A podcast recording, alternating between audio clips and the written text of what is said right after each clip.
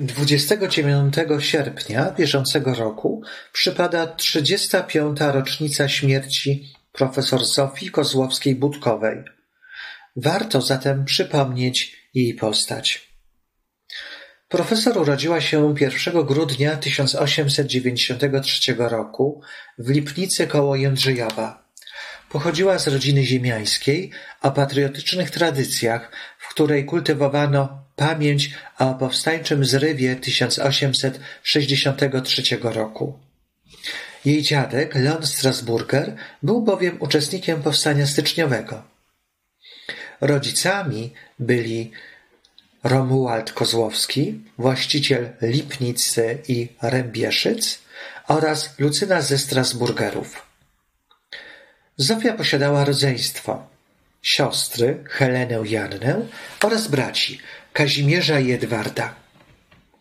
O owej tradycji pamięci o powstaniu styczniowym wspominała po latach, pisząc Urodziłam się 1 grudnia 1893 roku w Lipnicy, gmina i parafia Złotniki, w dorzeczu wiernej rzeki Nidy.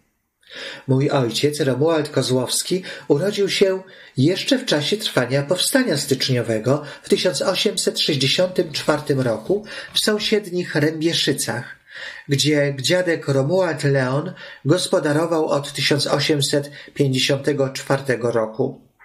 Było to w chwili, gdy, jak wspomina w swoich pamiętnikach, jeden z dowódców oddziałów powstańczych, Maringę, zajechał do dworu Rębieskiego, gdzie miał wyznaczoną kwaterę. Jak przekazała rodzinna tradycja, w dworze tym nieraz chronili się powstańcy z okolicznych lasów. Raz najechał ich tam oddział rosyjski. Ukryta poduszkami broń mogła zdradzić ich obecność i moja babka, Bronisława z Radziejowskich, chcąc odwrócić uwagę soldatów, częstowała ich gorliwie konfiturami, co bardzo oburzało czteroletniego wówczas mojego stryja Stefana.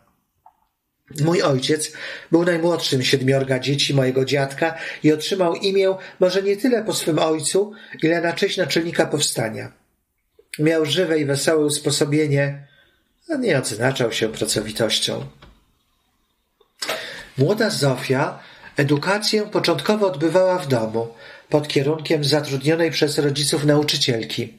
Następnie zaś w Kielcach, w żeńskiej szkole prowadzonej przez Marię Krzyżanowską, z której przeniosła się do Polskiej Szkoły Handlowej.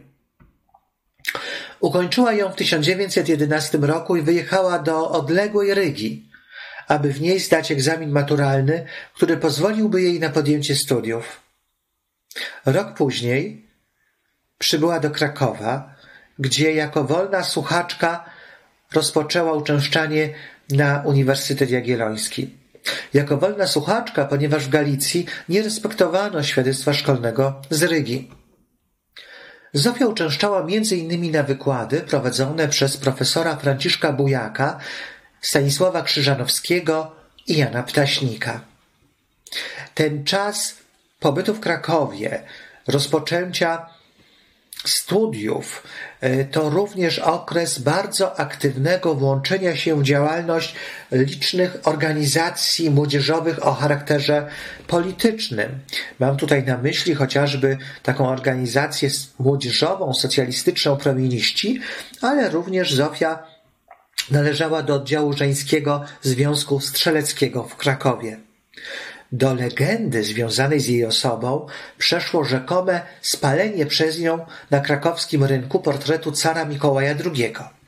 W rzeczywistości jednak zrobił to Tadeusz Hołówko, późniejszy współpracownik Józefa Piłsudskiego. W momencie wybuchu Wielkiej Wojny Zofia opuściła Kraków i wróciła do Kielc, gdzie bardzo mocno zaangażowała się w działalność Ligi Kobiet Pogotowia Wojennego. Ze względu na bardzo trudną sytuację materialną podjęła również pracę nauczycielki. W 1915 roku wyjechała do Zakopanego, gdzie zdała uprawniający ją do rozpoczęcia studiów egzamin maturalny. Dzięki czemu Mogła powrócić na Uniwersytet Jagielloński już jako pełnoprawna studentka i kontynuować naukę pod okiem profesorów Władysława Semkowicza oraz Franciszka Bujaka. Ten moment powrotu na uniwersytet po latach wspominała. Jesienią 1917 roku wróciłam znów na uniwersytet. Ponieważ do doktoratu był wymagany drugi przedmiot, oprócz historii zdecydowałam się na polonistykę, biorąc wykłady z gramatyki polskiej Łosia i literatury polskiej Windakiewicza i Chrzanowskiego. Podobały mi się najbardziej ćwiczenia profesora Chrzanowskiego, zwłaszcza bardzo ciekawy rozbiór listu Mickiewicza do Lelewela. Podziwiałam, jak wiele treści można wyciągnąć z niewielu słów tego utworu. Wspaniałe były wykłady z historii literatury Ignacego Szczanowskiego. Największa sala wykładowa imienia Kopernika pękała w szwach, gdy on był na katedrze. Oczywiście nie zaniedbałam wykładów i ćwiczeń Bujaka i seminarium Semkowicza. Na seminarium opracowywało się przywileje fundacyjne różnych zakonów w związku z historią osadnictwa.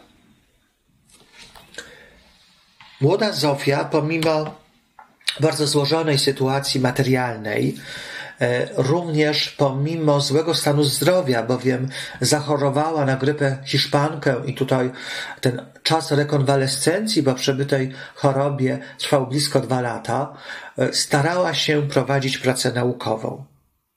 Pracowała w Komisji Atlasu Historycznego Polskiej Akademii, Akademii Nauk, a także na prywatnej pensji.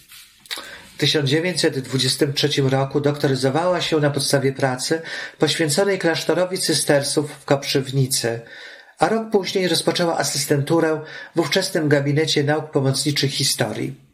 Ten moment egzaminu doktorskiego wspominała. Otrzymałam twój list, idąc na główne rygorozum.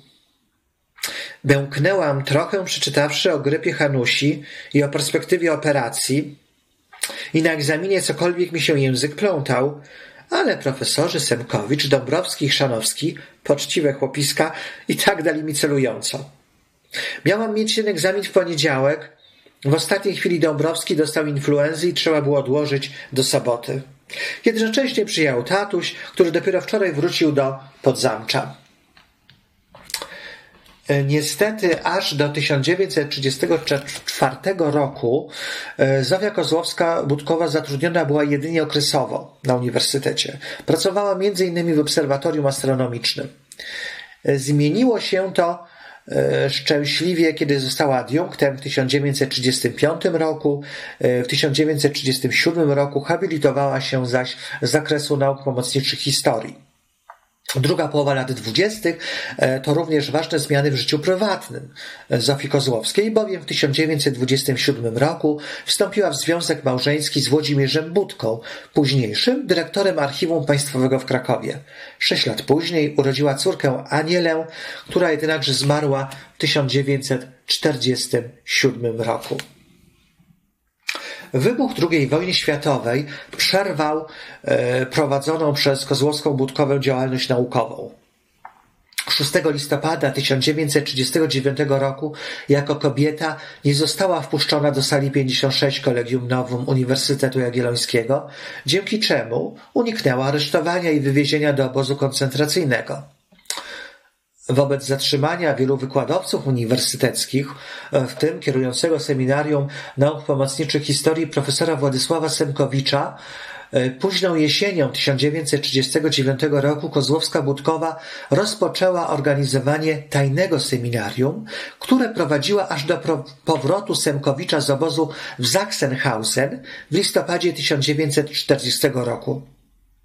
Sprawowała także opiekę nad zbiorami seminarium, które dzięki jej olbrzymiej nieustępliwości udało się uchronić przed rozgrabieniem i zabezpieczone przechowywano w kolegium Kołątaja. Kilka lat po wojnie sama Kozłowska-Budkowa w przygotowanym takim specjalnym sprawozdaniu e, wspominała. Podczas działań wojennych dyżurowali w seminarium profesor Semkowicz i adiunkt Zofia Budkowa. Biblioteka była otwarta i czynna aż do 6 listopada 1939 roku, gdy niemal natychmiast po aresztowaniu profesorów przybyła do lokalu policja niemiecka w mundurach wraz z cywilnym agentem mówiącym po polsku. Obecnej adiunkt Budkowej kazali oddać klucze i opuścić zakład, po czym drzwi zamknęli i opieczętowali. Pieczątka policyjna leżała na drzwiach do stycznia 1940 roku. Nie byłaby zabezpieczeniem lokalu przed kradzieżą, gdyby nie opieka dozorcy domu Franciszka Kowalskiego i kontrola Zofii Budkowej. Lokal miał być przeznaczony na jakieś biuro, groziło rozgradzenie i zniszczenie zbiorów i sprzętów. Wobec tego Budkowa postanowiła zaproponować dyrektorowi archiwum wrocławskiego, który zda z ramienia władz niemieckich przyjmował polskie archiwa i wykazał dużą dbałość o nie, aby przejął cały lokal zakładu wraz e, z lokalem na rzecz mm, krakowskiego archiwum państwowego i w ten sposób zabezpieczył go przed zmarnowaniem.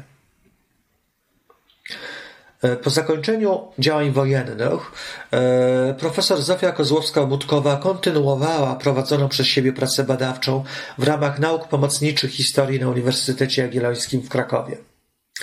Od lat 50. XX stulecia wspierała merytorycznie działalność pracowni edytorstwa źródeł średniowiecznych przy Polskiej Akademii Nauk.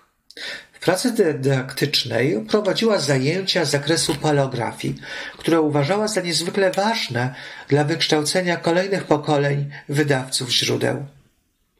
Aktywnie również uczestniczyła w różnorakich zebraniach naukowych, odczytach. Walnie przyczyniła się do powstania w 1956 roku małopolskich studiów historycznych. W tym samym roku otrzymała również nominację na stanowisko profesora nadzwyczajnego.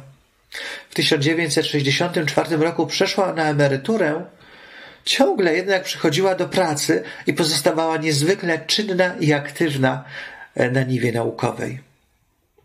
Przez całe swoje życie związana była z Instytutem Historii Uniwersytetu Jagiellońskiego.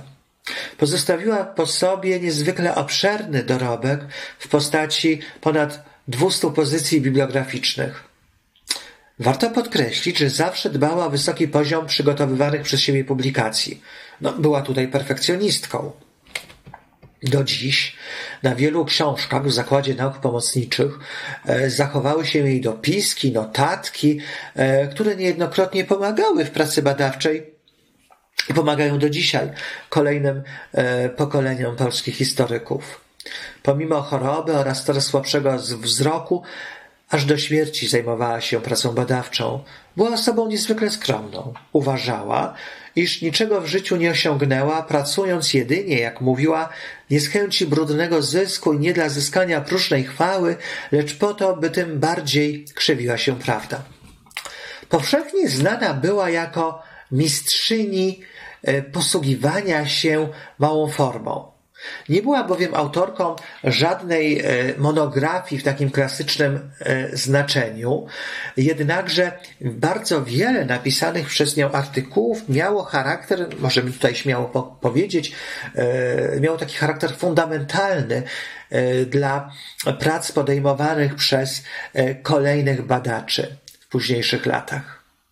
1922 roku opublikowała opracowaną przez siebie mapę historyczną granic politycznych i kościelnych powiatu proszowickiego. W 1926 w roczniku krakowskim ukazał się obszerny artykuł poświęcony założeniu klasztoru ojców dominikanów w Krakowie. Taką zaś jej największą pracą było opracowanie repetytorium dokumentów polskich doby piastowskiej, to repetytorium stanowiło swoisty przewodnik po polskiej dyplomatyce tamtego czasu. Po II wojnie światowej Komisja Historyczna Polskiej Akademii Umiejętności e, poleciła jej reedycję Księgi Henrykowskiej. Po śmierci Władysława Semkowicza w 1949 roku e, podjęła pracę nad krytycznym opracowaniem i wydaniem najdawniejszych roczników krakowskich. Zaowocowało to szeregiem, szeregiem wartościowych publikacji, artykułów, między innymi początki polskiego rocznikarstwa, krytycznym wydaniem Rocznika Miechowskiego, a także edycją Rocznika Kapituły Krakowskiej i Kalendarza Katedry. Prowadziła także badania nad dziejami klasztorów, cystersów w Koprzywnicy, wspominanych już dominikanów w Krakowie, a także sióstr Norbertanek w Imbramowicach a także e, prowadziła pracę nad historią Krakowskiego Uniwersytetu. E, te ostatnie zaowocowały takim dość obszernym artykułem Odnowienie Jagiellońskie Uniwersytetu Krakowskiego 1390-1414. Na koniec e, tej opowieści o profesor warto przytoczyć jej wypowiedź z jednej z uniwersyteckich ankiet, kiedy zapytana, co sądzi o swojej pracy naukowej, odpowiedziała – nie posiadam wybitnych zdolności i słabe zdrowie. Pracuję, a zwłaszcza piszę, powoli z wysiłkiem, ale praca naukowa jest dla mnie koniecznością wewnętrzną i ilekroć ją miałam przerwać, czułam się nieszczęśliwa. Uznanie, z jakim spotykały się moje niezbyt liczne yy, i stosunkowo drobne prace, zawdzięczam względnie dużemu zmysłowi krytycznemu, sumienności, i staraniu się o jasność i przejrzystość ujęcia. To ostatnie jest wynikiem wielokrotnego przerabiania konceptu każdej pracy. Sądzę, że nadaje się do prac krytyczno-analitycznych, niesyntetycznych. Dziękuję za uwagę.